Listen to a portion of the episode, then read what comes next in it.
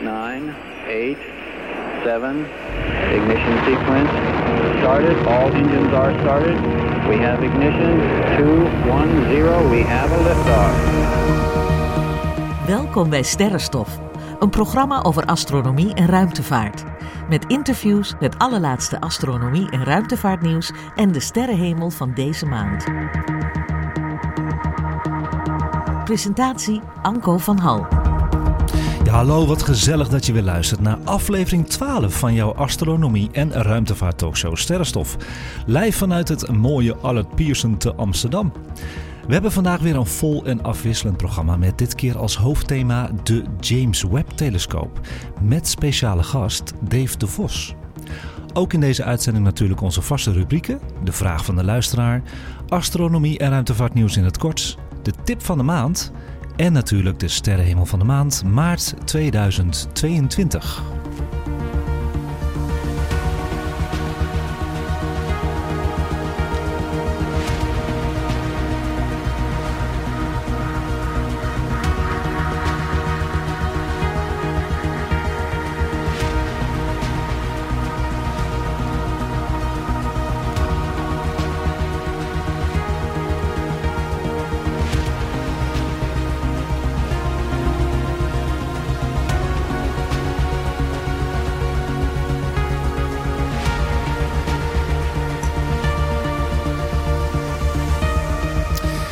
Ja, daar zijn we weer. Hallo allemaal. Een volle bak vandaag. Wie hebben we allemaal aan tafel?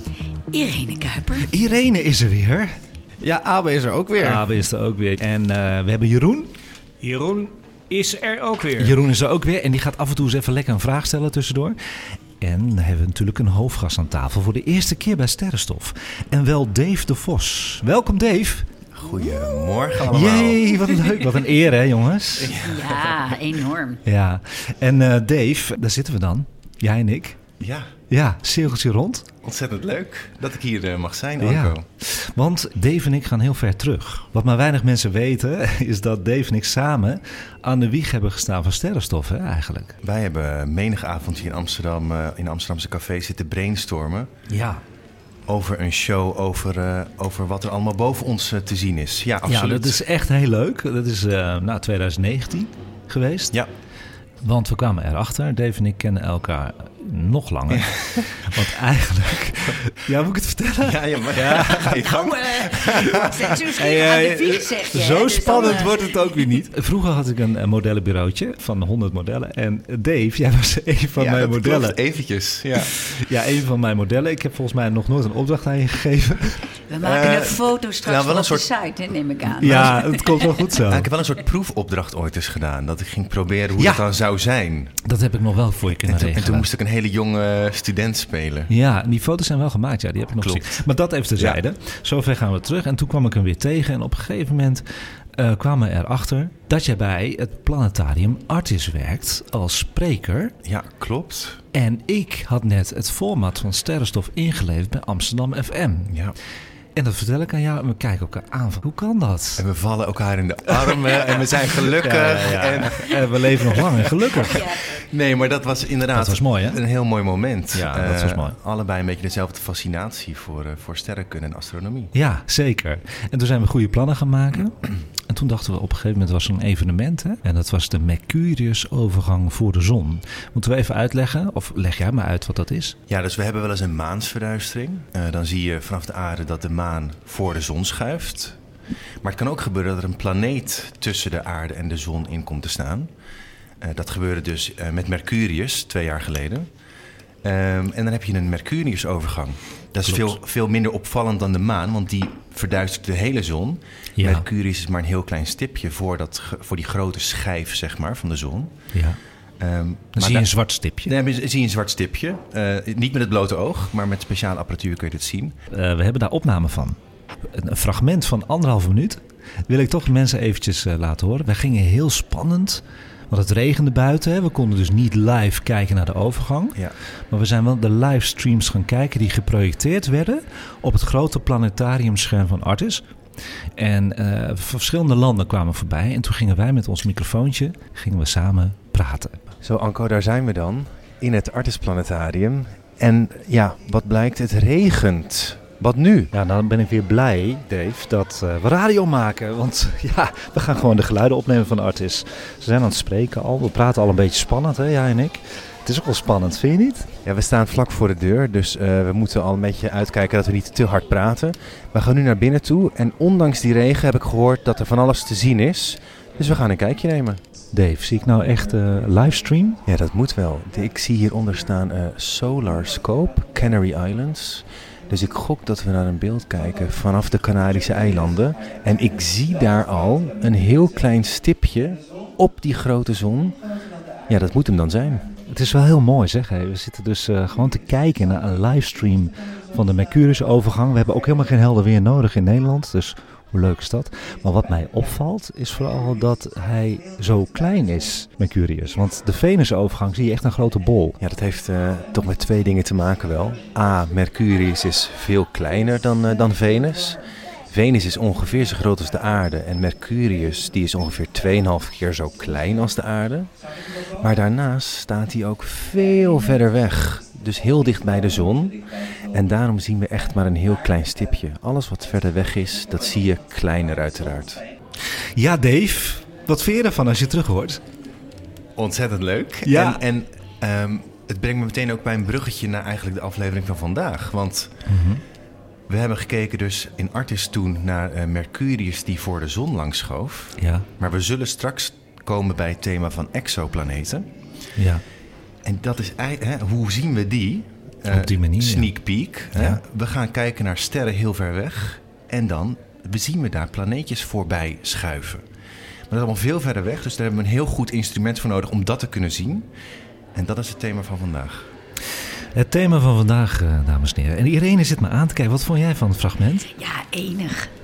enig natuurlijk. Ja, en je kan wel echt horen dat het twee jaar geleden is. Die stemmen zijn nu zoveel meer gegroeid. En Ja, toen waren we de nog heel wijsheid klein. die jullie twee jaar hebben opgedaan, dat hoor je nu enorm terug al. Dank u, dank u wel. Kijk, daar hebben we Irene voor. We gaan het hebben over de James Webb-telescoop. En ik merk gewoon aan Dave dat hij niet kan wachten. Die zit gewoon een puntje van zijn stoel.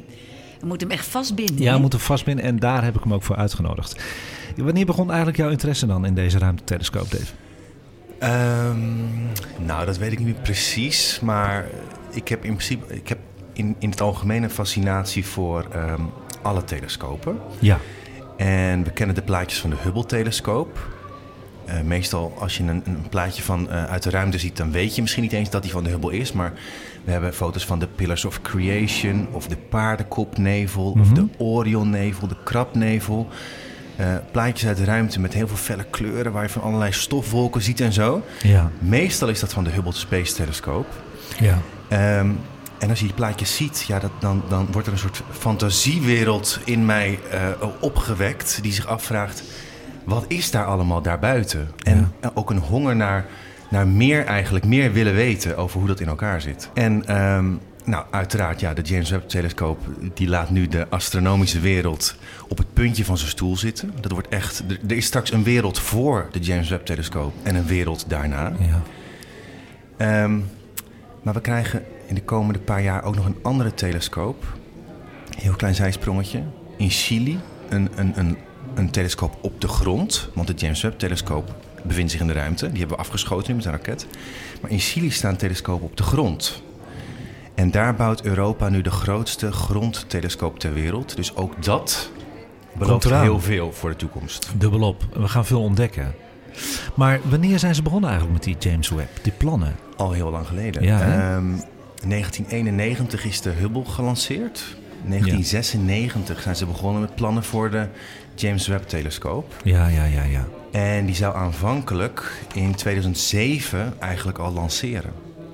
Zo moet je nagaan, hè? 2007. Als mensen trouwens even willen zien hoe die James Webb eruit ziet, die telescoop, ze kunnen naar de Instagram van Sterrenstofnieuws. Daar heb ik een hele grote plaat geüpload van ehm, ja, de James Webb natuurlijk, maar ook met de dingen die en de omgeving waar die staat en wat hij eigenlijk gaat eh, zien. Dat is wel echt leuk, hè? Om die telefoon erbij te pakken. Doe maar even. Sterrenstofnieuws. En we hebben ook een boek hier liggen. En dat is het astronomieboek van Jim Bell. En daar staat ook een uh, mooie plaat in hè, van een James Webb telescoop. Ja, en, en er staan ook echt allemaal foto's uh, in die werkelijk uh, dan met die Hubble gemaakt zijn waarschijnlijk, zoals jij net beschreef. Ja. Echt een prachtig boek. En het is een vernieuwde uitgave. Een vernieuwde uitgave, ja. ja, ja, nieuwste editie. Ja, prachtig. Dus, uh, dus uh, nu te krijgen. Ja, is een aanrader. Het is altijd leuk voor mensen om even een plaatje te hebben bij de podcast. Dus uh, Abe is ook even aan het bladeren in het boek. Ik wil even bladeren. Ja, en wat ik wel leuk vind, Dave, als ik dat, is mooi hoor. Zo mooi dat het planetarium heeft ook cursussen, ja. geeft hij, hè, astronomie. Ik weet dat mijn man ooit met onze zoon, toen hij tien was, dat is inmiddels 15 jaar geleden, uh, ook daar naar een cursus is gegaan. Jochie van tien om half acht s'avonds nog uh, op straat voor een cursus. Ja, serie leuk. cursussen met planetarium. Hebben ze nog steeds plezier van. En Ja. ook de materialen die jullie daarbij leveren. Prachtige boekjes met Ja. hele inzichtelijke en begrijpelijke teksten voor uh, kinderen van 10 tot en met uh, 150, denk ik. Zeker. Dit is een vraag aan Dave. Je had het net over die, um, die hele kleurrijke foto's van die telescopen. Maar ik ben benieuwd, zijn dat kleuren die heel erg door de mens een beetje, een beetje mooier zijn gemaakt en zijn toegevoegd? Of zijn, dat, uh, zijn, zijn ze oprecht zo mega kleurrijk? Goeie vraag. De Hubble-telescoop die kijkt in het uh, zichtbare licht. Uh, dus dat is het licht eigenlijk wat wij met onze eigen ogen kunnen zien ook. Het, het kleurenlicht, laten we zeggen. Um, allicht dat die wel wat zijn geoptimaliseerd. Maar ik geloof dat dat toch wel echt heel waarheidsgetrouw is. De foto's die we straks gaan zien van de James Webb-telescoop... die dus in infrarood kijkt... wat wij niet kunnen zien met het blote oog... die worden aangepast naar zichtbaar licht. Ja, want dat is juist de truc. Infrarood kunnen wij niet zien... Dus je moet die kleuren als het ware opschuiven op het kleurenspectrum... zodat het in het zichtbaar licht komt... en dan wordt het zichtbaar voor ons menselijke oog. En waarom, uh, waarom gebruikt die telescoop, die James Webb-telescoop, infraroodlicht? Ja, nou dan raak je meteen aan de kern eigenlijk van waarom deze missie zo belangrijk is. Um, infraroodlicht uh, is, is warmtelicht, is een licht met een langere golflengte dan zichtbaar licht. En als we bijvoorbeeld kijken naar stofwolken, uh, bijvoorbeeld ik noemde net die Pillars of Creation of de, de paardenkopnevel. We weten dat daarbinnen sterren worden gevormd. Maar we zien nu alleen eigenlijk maar de buitenkant van die nevel in het zichtbare licht. Als we willen dat we daar binnen kunnen kijken, dan moeten we als het ware door dat stof heen kijken. En dat kan met infrarood licht. Want dan zien we de warmtebronnen die zich daar binnen dat, die stofnevel begeven. Um, en zodoende is het dus, ja, we gaan dus door het stof heen kunnen kijken en, en zien hoe zich daar sterren vormen. Daarom is het zo belangrijk om dat in het infrarood te kunnen doen. Ja, en mooi dat je dit zegt. Ja, dat is bloedinteressant. Ja. Um, wat is nou eigenlijk je favoriete telescoop tot nu toe? Is dat die Hubble of de James Webb? Want James Webb heeft nog geen resultaten. Hè? Die komen geloof ik deze zomer pas. De eerste echte resultaten.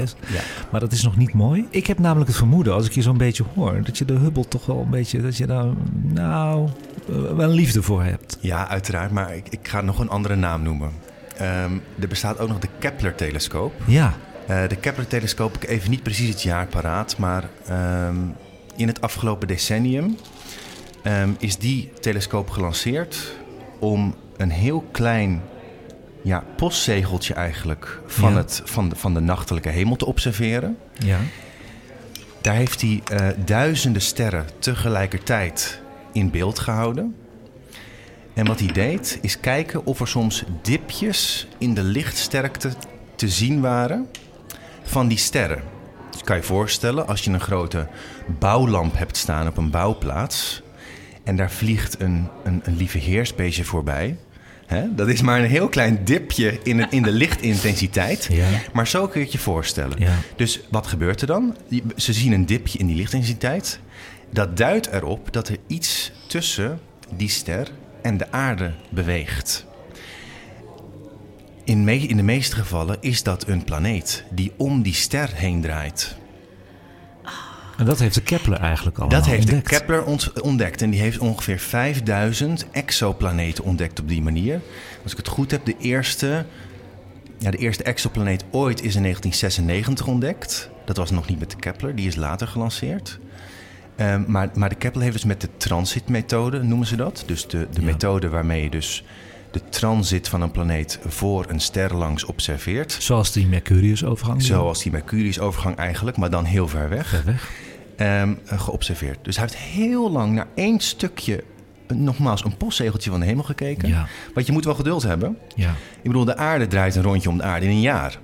Dus je moet een jaar kijken, als je van ver weg kijkt naar de zon, om de aarde één keer voor de zon voorbij te zien bewegen. Ja, ja. En let op, als je heel ver weg bent, die ster is een bol. Hmm. Dus eh, een planeet kan er maar op één manier eh eh, voorlangs bewegen, zodoende dat wij hem zien. Hmm. Maar hij zou er ook, vanuit ons oogpunt, een cirkel omheen kunnen draaien. als, een, als een niet. dartboard. En dan zien wij hem niet. Nee. Oh, wat mooi uitgelegd. Oh, ja, dat is heel ja, mooi. Snap je ja. het? Dus- dus- Oh. dus- Wauw. En als hij dus, eh dus zeggen, heel klein, Ja. de, de, de boog net iets anders, dan zit hij helemaal bovenin. Zie je hem helemaal niet? Nee. Nou ja, nauwelijks. Of, hè? Ja. ja. Hij kan midden over de schijf van de Ja. ster gaan. Hij kan over de rand gaan. Ja. Dan is, het, dan is de, de tijdsinterval dat je een dipje hebt korter. Ja. Ehm, maar in de meeste gevallen zie je hem helemaal niet. Ja. Want Ja. de kans dat hij buiten die schijf, zeg maar, rond die ster draait... of buiten dat vlak waarin wij kijken, zo moet je het eigenlijk noemen... is groter dan dat het net precies goed is. Er is namelijk ook nog zoiets... en dan dus nog iets, iets meer uitweiden. Kijk, alles wat materie heeft, trekt elkaar aan. Ja? Dus jij en ik trekken elkaar aan. Maar onze materie is zo'n klein beetje eigenlijk... dat ik makkelijk van jou weg kan lopen zonder dat ik daar last van heb.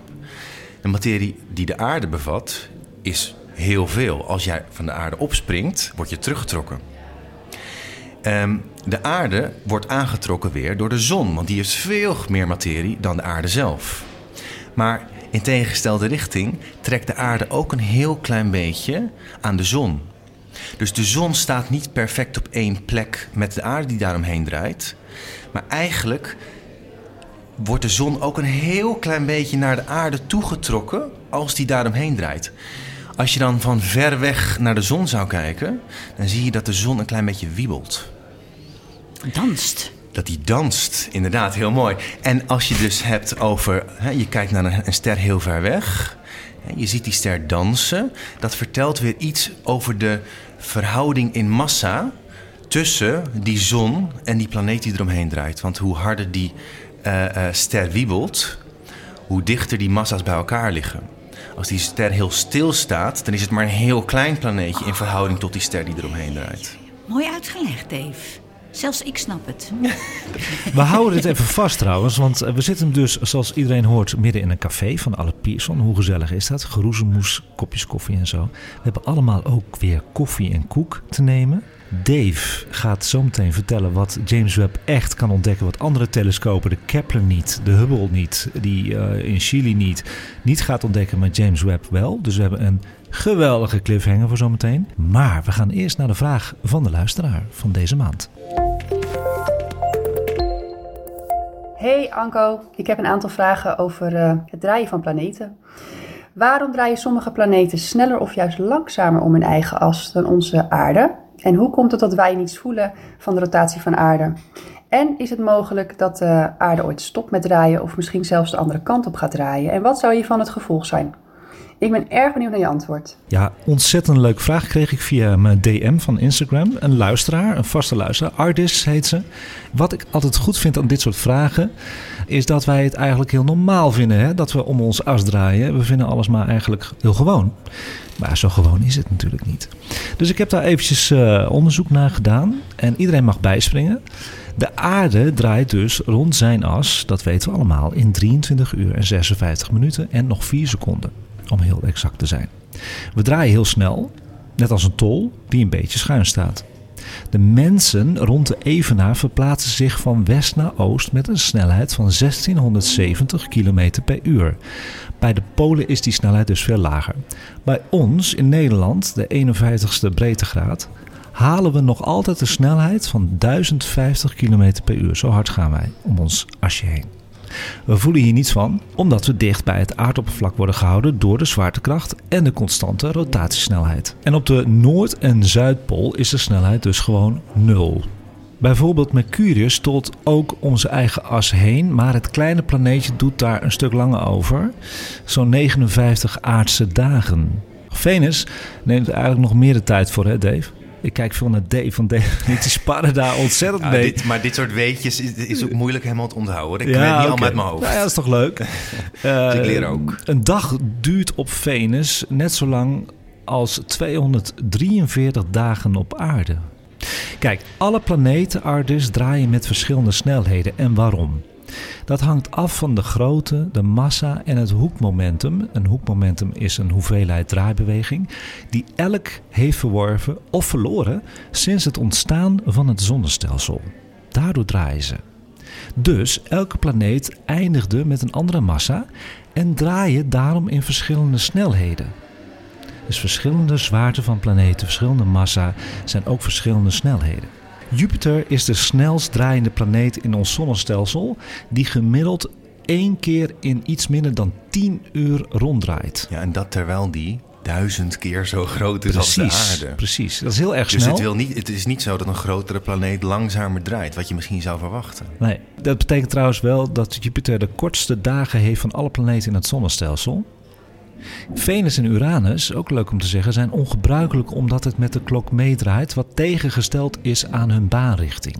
Venus zal uiteindelijk getijdenlokt worden aan de zon, zoals de maan aan de aarde is. Dus we zien de maan altijd, dezelfde kant van de maan zien we aan de aarde. Dat gaat bij Venus ook gebeuren. Dit betekent dat de spin en omlooptijden hetzelfde zullen worden. Aangenomen wordt dat deze verschillen het gevolg zijn van botsingen die laat in de vorming van de planeet plaatsvonden. Op een gegeven moment eh, zijn er eh, ehm, voorlopers van de moderne planeten ontstaan. Eh, grotere rotsblokken die uiteindelijk weer zijn samengeklonterd tot de huidige acht planeten. Maar je kan je voorstellen dat als er ehm, eh, eh, ja, aardeachtige planeten, eh, die, er waren er meerdere van, als die botsen tot en samen één planeet gaan vormen, ehm, maar die botsen onder een bepaalde hoek tegengesteld aan de draaiing van het algemene zonnestelsel, dan wordt door die inslag eigenlijk en de restenergie daarvan, de draaiing, ja, die kan de andere kant op gaan. Precies. Daardoor is dat, eh, kan dat zo daarin resulteren inderdaad. Ja, Abe. Ik heb een vraagje. Ehm, heeft dan die eh, eh, meteorietinslag bij die de dinosauriërs eh, uitroeiden... heeft die impact gehad op hoe snel de aarde draaide? Oeh, ja, waarschijnlijk wel een klein beetje. Eh, maar ik denk dat hij te klein was om echt eh, een groot verschil te maken. Nou sterker nog, om, om, om aan te geven wat allemaal invloed kan hebben op die zwaartekracht. Als er een hele zware aardbeving is, bijvoorbeeld in eh, Indonesië, dan kan het gebeuren dat er een stukje aardkorst, wat uitgestulpt is, onder een andere aardplaat schiet. Dan heb je een aardbeving. Daarbij komt eigenlijk als een ballerina die rondjes draait en dan haar armen binnentrekt, die gaat harder spinnen. Dus als zo'n uitstulping van de aarde met een aardbeving ehm, kleiner wordt, omdat die uitstulping onder een aardplaat eh, schiet, dan wordt eigenlijk ook de massa van de aarde meer gecentreerd rond het middelpunt van de aarde. En dan gaat de aarde meetbaar sneller draaien. En dat is echt in microsecondes. Ja, zijn micro's, Maar ja. dat kunnen ze meten. Zo. Wauw, Ja. dus dan kun je echt de, de impact van zo'n aardbeving terugvinden. In de lengte van de dag. Ja. En er is nog een vraag, want ze had eigenlijk vier vragen in één vraag. Zij zegt, eh, is het mogelijk dat de aarde gaat stoppen met draaien of de andere kant op gaat? En wat zijn de gevolgen daarvan? Nou, dat heeft een beetje te maken met deze verhaal ook. Kijk, onze planeet draait natuurlijk al miljarden jaren en zal nog miljarden jaren blijven draaien. Dit komt omdat niets in de ruimte ons tegenhoudt. Maar als de aarde plotseling zou stoppen met draaien, zouden we dat wel voelen. Dan zou het een gevoel zijn dat lijkt op meerijden, dus in een snelle auto, en iemand op de rem laat trappen. De aarde beweegt met een vaste snelheid en we bewegen allemaal mee. En daarom voelen we de draaiing van de aarde niet. Als de draaiing van de aarde plotseling zou versnellen of vertragen, zou je dat dus zeker voelen. De enige manier om de rotatie abrupt stil te leggen, is een flinke botsing met een ander hemellichaam. Een groot hemellichaam inderdaad. En dat staat op korte termijn zeker niet in de planning, dus we kunnen weer rustig slapen. Ondertussen roteert de aarde door toedoen van de maan wel steeds trager. Maar dat effect is zo klein dat het nog miljarden jaren gaat duren voor de dagen op aarde ten opzichte van nu gehalveerd zijn. Miljarden jaren. Daar hebben we ook helemaal geen last van. Het lijkt er dan ook op dat we ons voorlopig geen zorgen hoeven te maken over het moment waarop de aarde stopt met roteren. En ik zie Dave de hele tijd knikken, want dat is wel altijd zo geweest. Daarom waren die, die avonden in de cafés zo leuk. En daarom werd er ook zoveel wijn en bier geschonken. Zie we moeten echt vastbinden. Maar wij zijn, wij, nee, maar we- we zijn gewoon een beetje ja, hysterische eh, space nerds. Ja, ik kan er niks aan doen. Ja, maar als je, als je, als je hiervan bewust wordt van dit Ja. soort dingen en Ja. hoe dit allemaal in elkaar zit, dan de één woord wat altijd bij mij opkomt, dat is verwondering over alles wat is. En Ja, dat is het ook. hè, de, de maan, ehm, wat ik net vertelde, dat, die, dat, de, dat de aarde een klein beetje aan de zon trekt ook. En dat die daardoor wiebelt.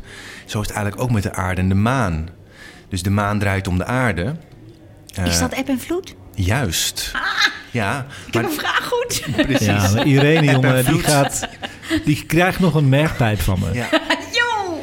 Maar die, die, hè, dus die, die energie die ervoor zorgt dat eb en vloed ontstaat, die komt uit de rotatiesnelheid, de energie die daarin zit van de maan. Dat kan je natuurlijk nog allemaal uitrekenen. Ik ben alweer vergeten hoe dat moet, maar dat kun je uitrekenen. En, en ehm, dus eb en vloed, die energie die verloren gaat in de rotatiesnelheid, zorgt ervoor dat de maan uiteindelijk ook iets verder weg komt te staan van de aarde. En dat eh, eh, ja, de dagen op aarde dus wat langer worden. En een maan verder weg gaat staan. Dat is niet leuk, hè? Nee, dat is niet leuk. Nee. Ja, die kunnen we uitzwaaien zo langzaam. Maar dat betekent ook, Dave, dat we geen totale zonsverduistering meer krijgen daardoor. Nee, maar dat duurt nog Dat natuurlijk duurt nog wel heel heel lang. ver. Kijk, nu heeft Ardis deze vraag gesteld. En wat een luxe Ardis. Helemaal gratis voor niets met Dave erbij. Hoe uitgebreid kun je het hebben? Heb je ook een prangende vraag trouwens voor sterrenstof? Kan me zo maar voorstellen. Dan kun je ons altijd even mailen naar sterrenstofnieuws.gmail.com. Maar de meeste mensen vinden het heel makkelijk om via Instagram mij te DM'en. En ik antwoord altijd. Welkom bij Sterrenstof, een programma over astronomie en ruimtevaart. Met interviews, het allerlaatste astronomie- en ruimtevaartnieuws en de sterrenhemel van deze maand. Presentatie Anko van Hal. Ja, en zoals beloofd gaan we met onze tafelgast Dave de Vos... gaan we weer verder met het verhaal van de James Webb-telescoop. Wat kan de James Webb-telescoop allemaal ontdekken, Dave? Nou, we hebben het al even gehad over eh, exoplaneten. Ja. Ehm, dus de Kepler-telescoop waar ik het over had, die heeft er een paar gevonden, duizenden. Ehm, James Webb, die weet inmiddels waar ze zijn. Dus die kan hup, zijn camera richten, of zijn spiegel richten en, en daarna gaan kijken. Ja. En die, gaat die gaat zien ehm, wat voor stoffen er in de atmosfeer van die exoplaneten aanwezig zijn. ja, daar word ik heel erg blij van. Ja, Want wat betekent dat? Ja, nou, heel even uitleggen hoe dat dan ongeveer werkt. Ja. Ehm, een, een ster ehm, die, die schijnt zijn licht, net zoals onze zon. Die, die, die, die, die straalt zijn licht. En dat licht heeft een bepaalde vingerafdruk.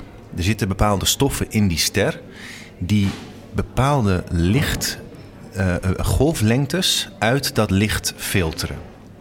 Dus als je het hele lichtspectrum bekijkt wat er bestaat, en je bekijkt het lichtspectrum van een ster, dan missen daar bepaalde absorptielijnen in. Bepaalde hele spe- specifieke kleuren zou je kunnen zeggen. Ook in het infrarood, ook in het ultraviolet. Want die worden geabsorbeerd door de stoffen die in die ster aanwezig zijn. Dus dat is de vingerafdruk van die ster. Vervolgens schijnt dat licht van die ster op een planeet die, daarom, die daaromheen draait. En ook door de atmosfeer van die planeet die daaromheen draait. Die atmosfeer bevat ook weer stoffen.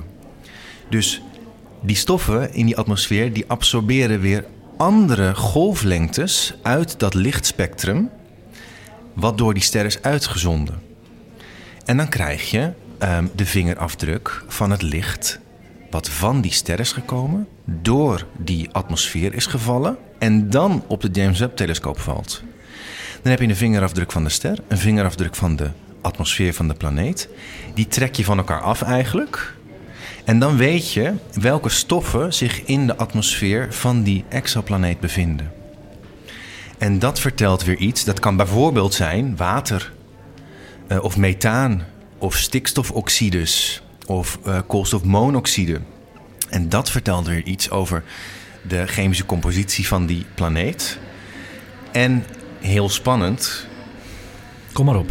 ja, mogelijk, eh, eh, en daar wordt op gespeculeerd, worden zogenaamde biomarkers gevonden, waarvan methaan er één zou zijn. En methaan wordt onder andere gevormd door uh, biologisch leven. Dat kan al door bacteriën zijn. Hè? Dat hoef je niet meteen aan marsmannetjes te denken. Maar als je methaan vindt, wil dat zeggen dat er toch wel een, daar, nou, er is een kans op leven daar, op die planeet. Zouden er koeien kunnen zijn? Nou, wie weet. Die leveren toch methaan? Waarom koeien, uh, Irene? Nou, die, die, de, de, scheetjes van een koe Ja. zitten toch vol methaan? Ja, maar daar heb je eigenlijk meteen het antwoord gegeven waarom er methaan, uh, waarom methaan zo'n belangrijke biomarker is, inderdaad. Uh, maar we, wij, wij laten zelf ook methaan los. Uh, jij, jij ook. Irene niet hoor. dus, dus dat gaat hij doen. Je vertelde net dat uh, uh, de James Webb vooral infrarood ziet, maar ik begrijp dat het ook het hele spectrum uh, kan zien. Nee, het is met name infrarood. Um, en dan kom ik bij punt 2, waarom infrarood? Want Abe stelde die vraag ook aan het begin van, het, van de uitzending. Toen hadden we het over, hij kan door die stofwolken heen kijken. Infrarood is ook heel belangrijk, omdat je daarmee naar de rand van het universum kunt gaan kijken. En dat moet ook weer even uitgelegd worden. Um, licht hebben we zo al gezegd. Hè? Het, het, zichtbare licht bevindt zich in een bepaald spectrum. In het zichtbare, uh, ja, het zichtbaar licht is een stukje van het spectrum van het totale licht. Als je de regenboog bekijkt, die begint met rood, die eindigt met paars-violet. Daarna komt ultraviolet en dan komt röntgenstraling en dan komt gammastraling. Dat is allemaal licht eigenlijk, maar dan van een kortere golflengte. Als je aan de rode kant kijkt, dan heb je, krijg je na rood, krijg je infrarood, um, microwave, dus de magnetron, en dan radiogolven. Waar wij nu ook mee de ether ingaan. Ja. En dat is allemaal licht in principe. En die James Webb die gaat dus kijken naar dat infrarode licht dat wij niet kunnen zien. Waarom is het nou zo belangrijk om de rand van het universum te kunnen bekijken? Het universum is 13,5 miljard jaar oud. Dus als wij willen zien wat er 13,5 miljard jaar geleden gebeurde, moet je ontzettend ver kijken. Want het licht dat toen ontstond, is heel ver bij ons vandaan. Ontstaan. Um, nu is er één factor in het universum en dat is de uitdijing van de ruimte. Die ervoor zorgt dat als een, als een, als een lichtgolf door de ruimte beweegt. Ja, je kan je voorstellen, die heeft uh, een aantal golfjes, laten we even zeggen 10 golven. Die beweegt door de ruimte. Maar als de ruimte ondertussen uitdijt terwijl die golf daar doorheen beweegt, dan blijft het aantal golven gelijk. Alleen de ruimte tussen elke golf wordt langer. Het is eigenlijk alsof je een gordijn aan de rails hebt hangen. En je doet je gordijn dicht. Waardoor dus de plooien van het gordijn uitgerekt worden. Zo kun je dat een beetje, een beetje zien. Dus het licht wat heel ver bij ons vandaan komt, is heel lang door de ruimte gereisd. Terwijl het aan het reizen was, ja. is de ruimte waarin het reist uitgedijd. Het aantal golven is gelijk gebleven, maar de ruimte tussen de golven is groter geworden. Met andere woorden, de golflengte is langer geworden. En als we dan weer kijken naar het lichtspectrum, dan is het licht wat ooit vertrokken is bij die ster als zichtbaar licht, of zelfs ultraviolet licht, verschoven, zoals we dat noemen, naar het infrarood. Dus we moeten infrarood licht opvangen om dat te kunnen terugvertalen naar zichtbaar licht en ultraviolet licht, zoals het was toen daar ja, het, het, het universum ontstond eigenlijk. En als we die resultaten hebben van het licht van 13,5 miljard jaar geleden, wat kunnen we daarmee? Ja, dat vertelt ons hoe het universum is ontstaan. Dat is een hele basale uh, wetenschappelijke vraag. Ja, waar kom, waar, waarom bestaat het universum ja. in die end? Dat, dat weet niemand. Uh, hoe is het zo gekomen? Um, dat heeft een mens nodig. Hè? De mens heeft een begin Ja. en een einde nodig. ja, ja, precies. Precies. Abe, Nou ja, je had het net over de rand van het universum. Maar dat vind ik nogal een, een spannend begrip. Want ik denk dat we lang kunnen eh, praten over... ja, het universum is oneindig of niet, of weet ik veel wat. Dus wat bedoel je met de rand van het universum? Ja, goede vraag. Um, we doen nu alsof Dave dus alomwetend is. Hè? Dus dat hij nog... Ja, nee, maar dat even voor de luisteraars. Um, we hebben natuurlijk wel een god in onze uitzending, dat is Dave. Hij weet niet alles, maar we, we, we laten hem aan het woord. Kom maar op. Dat we hem niet te moeilijk maken. Maar Kijk. dat doet Abe wel. Dat vind ik wel goed. Dat doet hij altijd bij mij. Een beetje Dave? uitdaging Dus mag. bij jou, ja. En ik vertel wat ik, wat ik weet. En misschien ik weet de, de, de echte wetenschappers... die hebben vast nog wel iets wat niet helemaal klopt aan wat ik vertel. Maar in grote lijnen denk ik wel. Ehm, kijk, er is geen rand aan het universum. Het is niet zoals in de Truman Show. Als jij op een bootje stapt die gaat varen... ehm, dat je tegen de rand aankomt. Dat bestaat natuurlijk niet. Het is heel grappig dat je dit zegt, want in onze vorige uitzending heeft eh, zij, deze Irene hier, heeft dat voorbeeld eh, van Oh. de Truman Show Ja. gegeven. Hoe leuk Oh, is nou, dat? dat, dat is echt, dat wist ik niet, maar dat is dan eh, helemaal mooi. Ja, zeker. Wat er wel is, is een, is een rand van het observeerbare universum. En ehm, ehm, wat is dat dan? Kijk, ik zei net dat dat licht, dat is 13,5 miljard jaar geleden vertrokken. Dat beweegt naar ons toe en dat valt nu op onze telescoop. Ja. Ehm, die, de- het licht heeft een bepaalde snelheid. 300.000 kilometer per seconde. Ik moet je even voorstellen. 300.000 kilometer, 300.000 kilometer, 300.000 kilometer. Zo snel gaat dat licht. Ehm, Ja. Als dat licht maar vanaf ver genoeg komt en het, en het reist dus door een uitdijend eh, eh, universum, dat ook versnelt, weten we. Op een gegeven moment is die afstand zo groot dat de, de, de uitdijing van het universum eigenlijk de lichtsnelheid overtreft. Dus de snelheid van het licht, ja, die wint het niet meer van de uitdijing van het universum. Dus het licht bereikt ons niet. Het kan ons niet bereiken. Dus het vertrekt ergens, maar het, het, het komt nooit aan bij onze telescopen. En dat, zeggen, dat noemen we dan de, de rand van, het, van de observable universe. Dus dat is zover we kunnen kijken. En dat is 13,5 miljard jaar. Maar let wel, stel nou, wij zijn hier op aarde en wij kijken alle kanten op 13,5 miljard jaar. Ja, lichtjaar. Als je nou op een planeet zit 1 miljard lichtjaar hier vandaan en je kijkt dan om je heen, dan zie je ook 13,5 miljard jaar alle kanten op. Maar dat betekent dus ook dat je aan de rand ergens 1 miljard lichtjaar zeg maar nog maar ziet, die wij vanaf de aarde niet kunnen zien. Dus ja, dan zou je kunnen zeggen, wij leven in een soort bubbel. En die ster of die planeet, die is ook een soort bubbel. Die hebben een overlap, maar die hebben ook een gebied wat uniek is voor hun universum, voor hun observable universe. Oké, en even de link weer terug te zetten. Een goede vraag van Abe. Maar dat was even een zijstap ook eigenlijk. De link terug te pakken op de JWST, de James Webb Space Telescope. Zou de James Webb daar een definitief antwoord op kunnen geven? Op het ontstaan van het universum? Ja, en hoe ver je kan kijken, misschien verder dan 14 miljard jaar? Nee, verder kan niet. Nee, dus Want- alleen maar de visible light. Ja, absoluut. Ehm, in de theorie is het wel zo dat er ehm, ook voordat er het eerste licht in het universum ontstond, Ja. eh, daarvoor zijn de Dark Ages. Dat is ongeveer een periode van 500 miljoen jaar geweest. Ja. Toen, toen was de Big Bang al wel geweest. ja. Alleen er bestonden nog geen ehm, ehm, ja, atomen, zoals waterstof en helium. En er, reis, er bestonden dus ook nog geen sterren, want dat zijn eigenlijk gewoon grote eh, waterstofbubbels. ja. En dus was er nog geen licht. Dus dat noemen ze de Dark Ages, omdat er nog geen licht was. Ja. Maar dat, dat kunnen we niet zien met licht. Eh, daar moeten we over filosoferen en andere technieken eh, over bedenken. Maar dat kunnen we niet met telescoop observeren. Gaat de James Webb dingen ontdekken die we nog niet verwachten?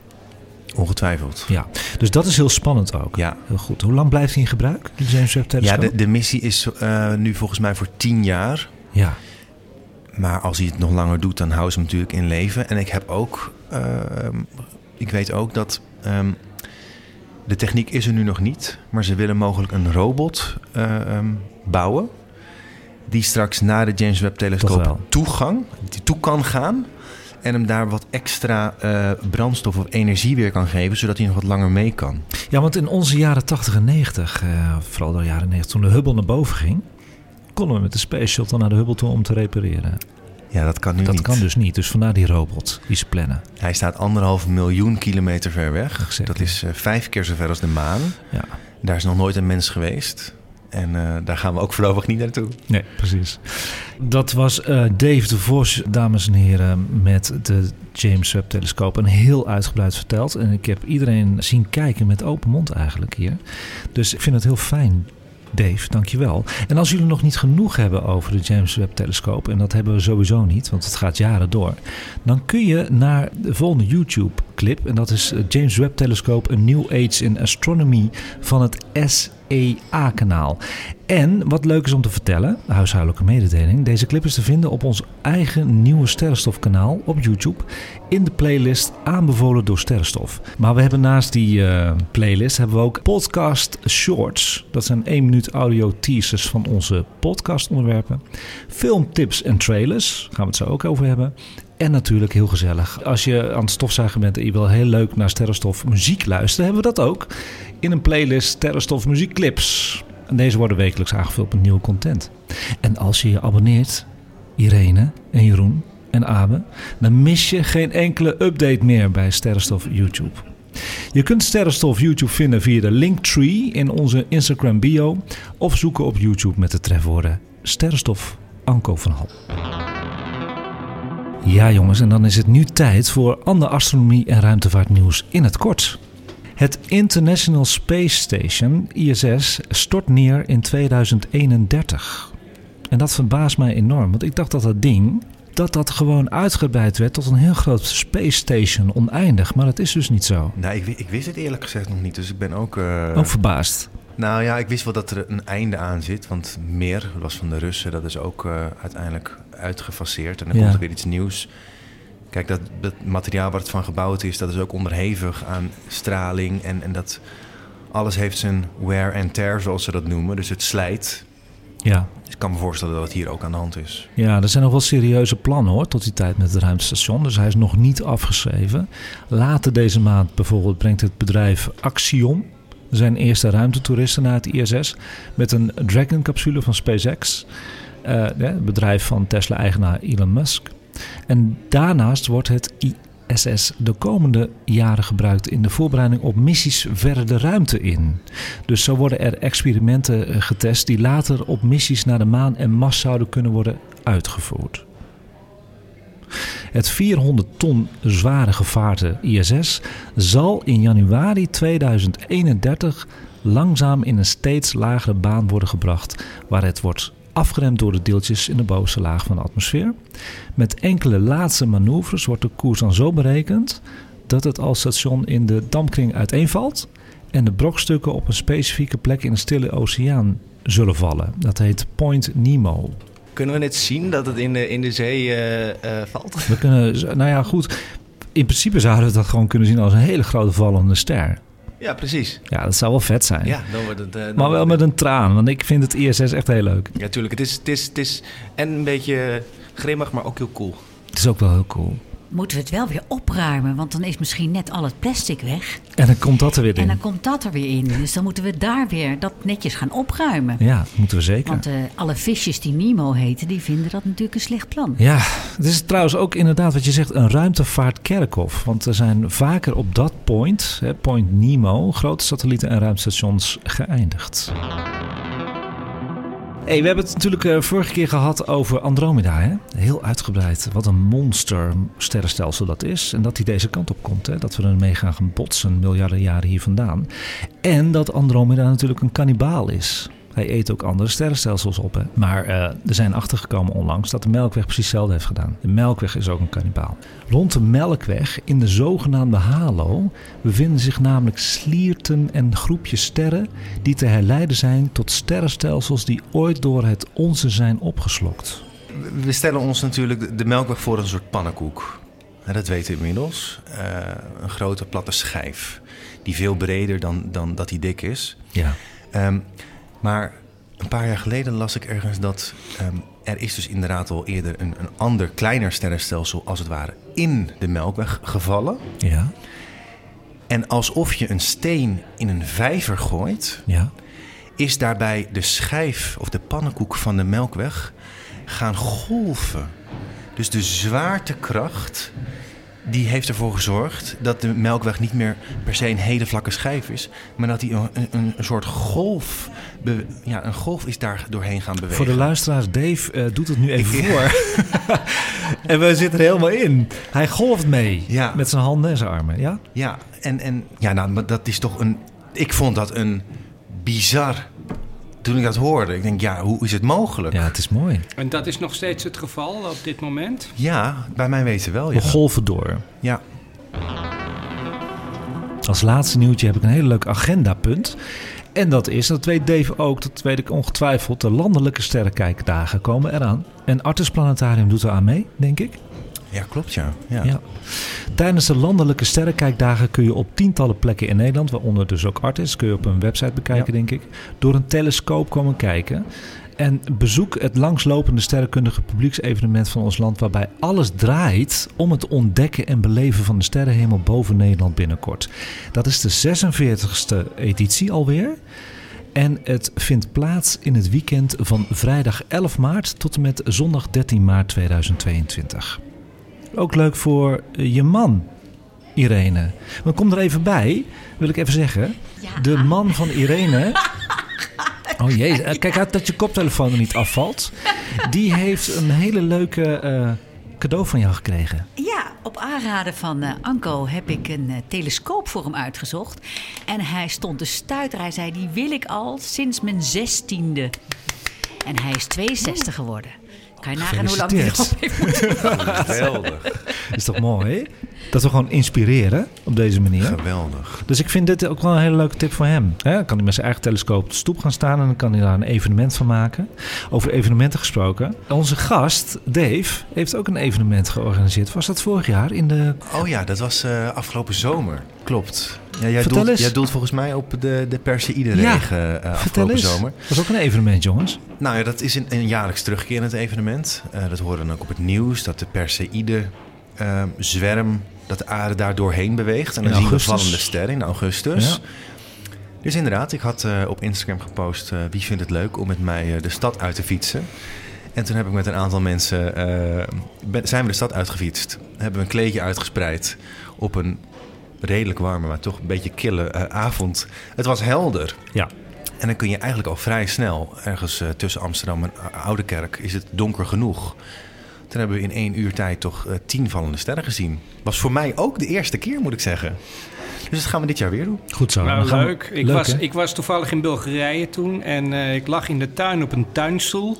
hebben we de hele nacht, eh, ik en mijn vrouw, eh, naar de Perseïde gekeken. Ja, erg leuk. Hoeveel ja. heb jij er gezien en geteld? Nou, ik, ik was niet op het juiste moment, want je moest wel op het juiste moment zijn. Ja. Eh, ik heb er een stuk of zeven gezien. Nou, dat is toch een goed, goed resultaat. Ja, je moet opletten, want het, is- het zijn echt flitsjes. Je knippert met je ogen en ze zijn voorbij, maar eh, het is wel heel bijzonder. Ja, dat is fantastisch. Ja.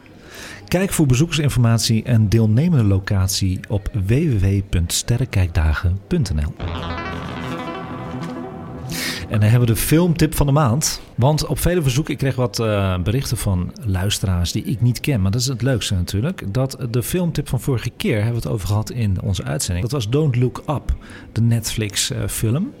En die is heel veel besproken. En het grappige van deze film is eigenlijk dat 50% het vreselijke film vindt en andere 50% die snapt dat het een ironische film is. Wat vind ik er zelf van? Dat werd mij ook gevraagd. Ik vind het een, een amuserende film. En ik heb hem ook gezien als parodie, dus ik vind het een prima film. Je loopt niet over van enthousiasme. Nee, omdat het me tegenviel met een sterrencast dat het toch niet helemaal uit de verf kwam met zulke goede eh, mensen. Ik, ik heb hem niet gezien, maar juist dat concept wel een beetje gehoord. En Ja. daar was ik wel enthousiast over. Dus ik ga Ja, gewoon kijken, denk ik. Ja, gewoon kijken. Ja, zeker. Kijk, het loopt niet goed af, maar Loopt eh, niet goed af. voor de rest... eh, En Irene, die eh, weet zeker dat ze een mening hierover heeft.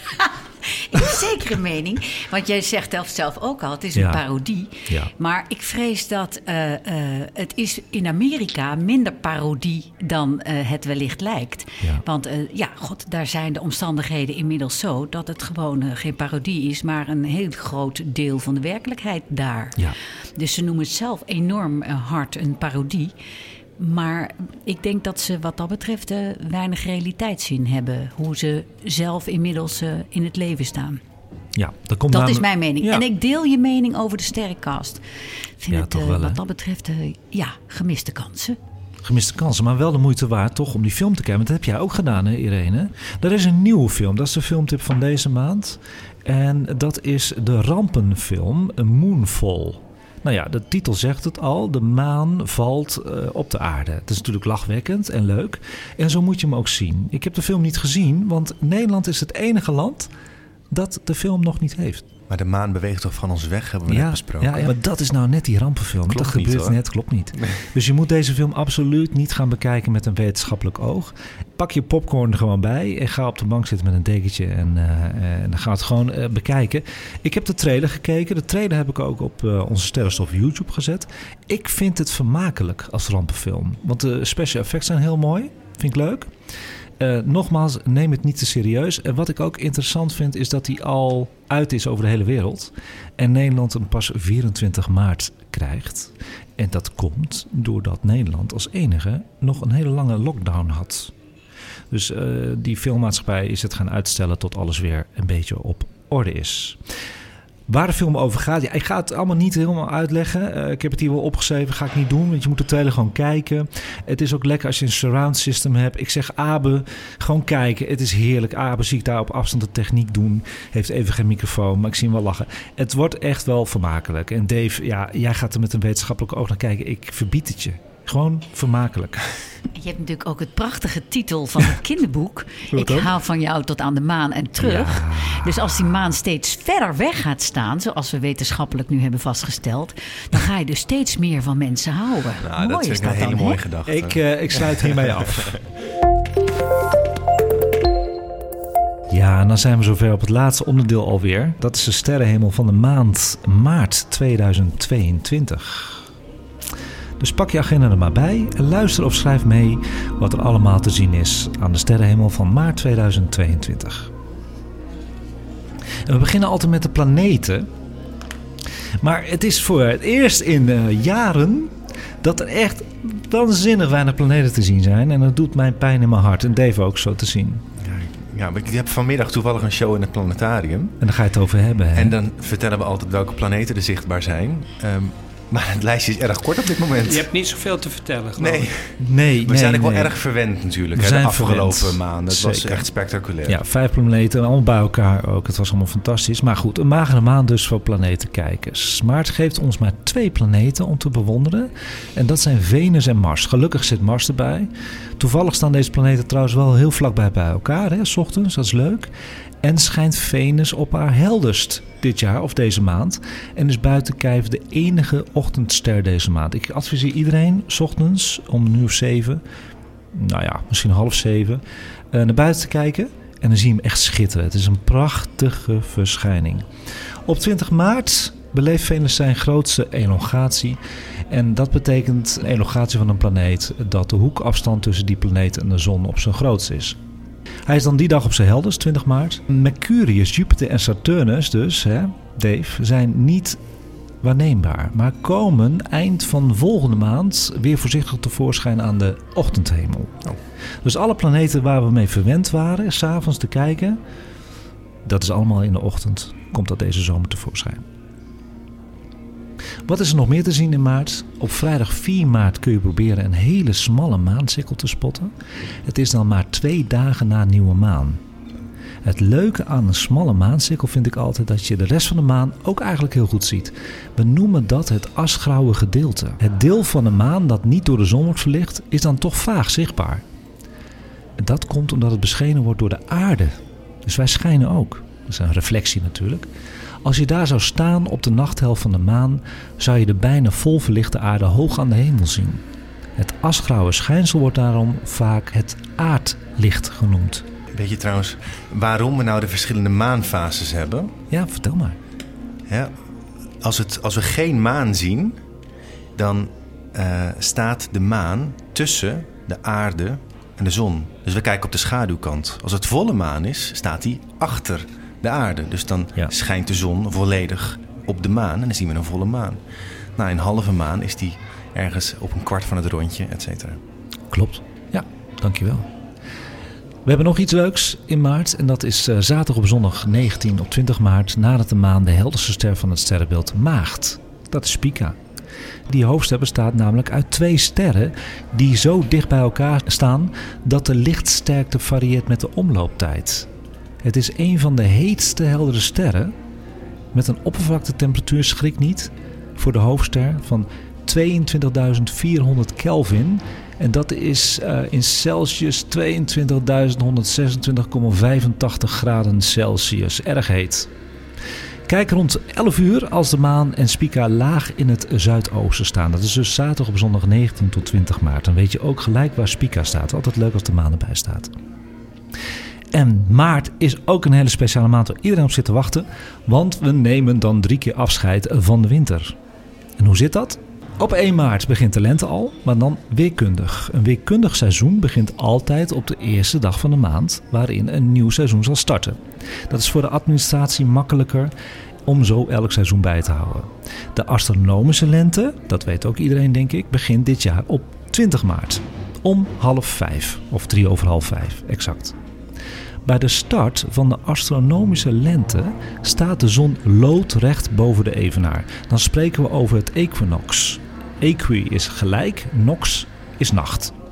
In feite wil dat zeggen dat de zon even lang boven als onder de horizon staat. En de derde keer dat we afscheid nemen deze maand van de winter is omdat op 27 maart de zomertijd begint. Dus dag winter. Ik hou van de zomertijd. Ik ook. Ik snap mensen niet door die de wintertijd prefereren. Daar kan ik niet bij, maar goed, dat is mijn. Dat ben ik. Helemaal met je eens. En tot zover de sterrenhemel van de maand maart 2022. Ja, en ook tot zover sterrenstof voor de maand maart 2020 live vanuit het Allard Pierson te Amsterdam. En het was een drukke Allard Pierson, want uh, het is allemaal open, het is leuk, zonder mondkapje, mensen hebben er zin in, de zon schijnt, het wordt mooi weer en we zijn allemaal blij. Vergeet mij niet te mailen voor vragen, opmerkingen en tips over astronomie en ruimtevaart op sterrenstofnieuws.gmail.com. En je kunt natuurlijk Sterrenstof altijd vinden op Instagram met onder andere de audiograms, de nieuwtjes en eigen astrofotografie van de hemelverschijnselen van de maand als het helder is. Volg ons op Sterrenstof Nieuws. Terugluisteren kan altijd via amsterdamfm.nl, Soundcloud, iTunes, Juke, TuneIn en Spotify. De lijst wordt steeds langer gelukkig. Ook wil ik graag uh, Abe bedanken uh, voor de techniek vandaag en voor het meepraten. En natuurlijk de sidekicks Irene en Jeroen. En de hoofdgast Dave voor het mogelijk maken van deze prachtige uitzending van Sterrenstof. Nou, jij bedankt Anko. Ik vond het een feestje. En we spreken elkaar zeker weer als die foto's van de James Webb uh, er zijn. Zeker, dan kom je gelijk weer terug. Iedereen bedankt voor het luisteren. Tot de volgende keer en kijk eens wat vaker omhoog.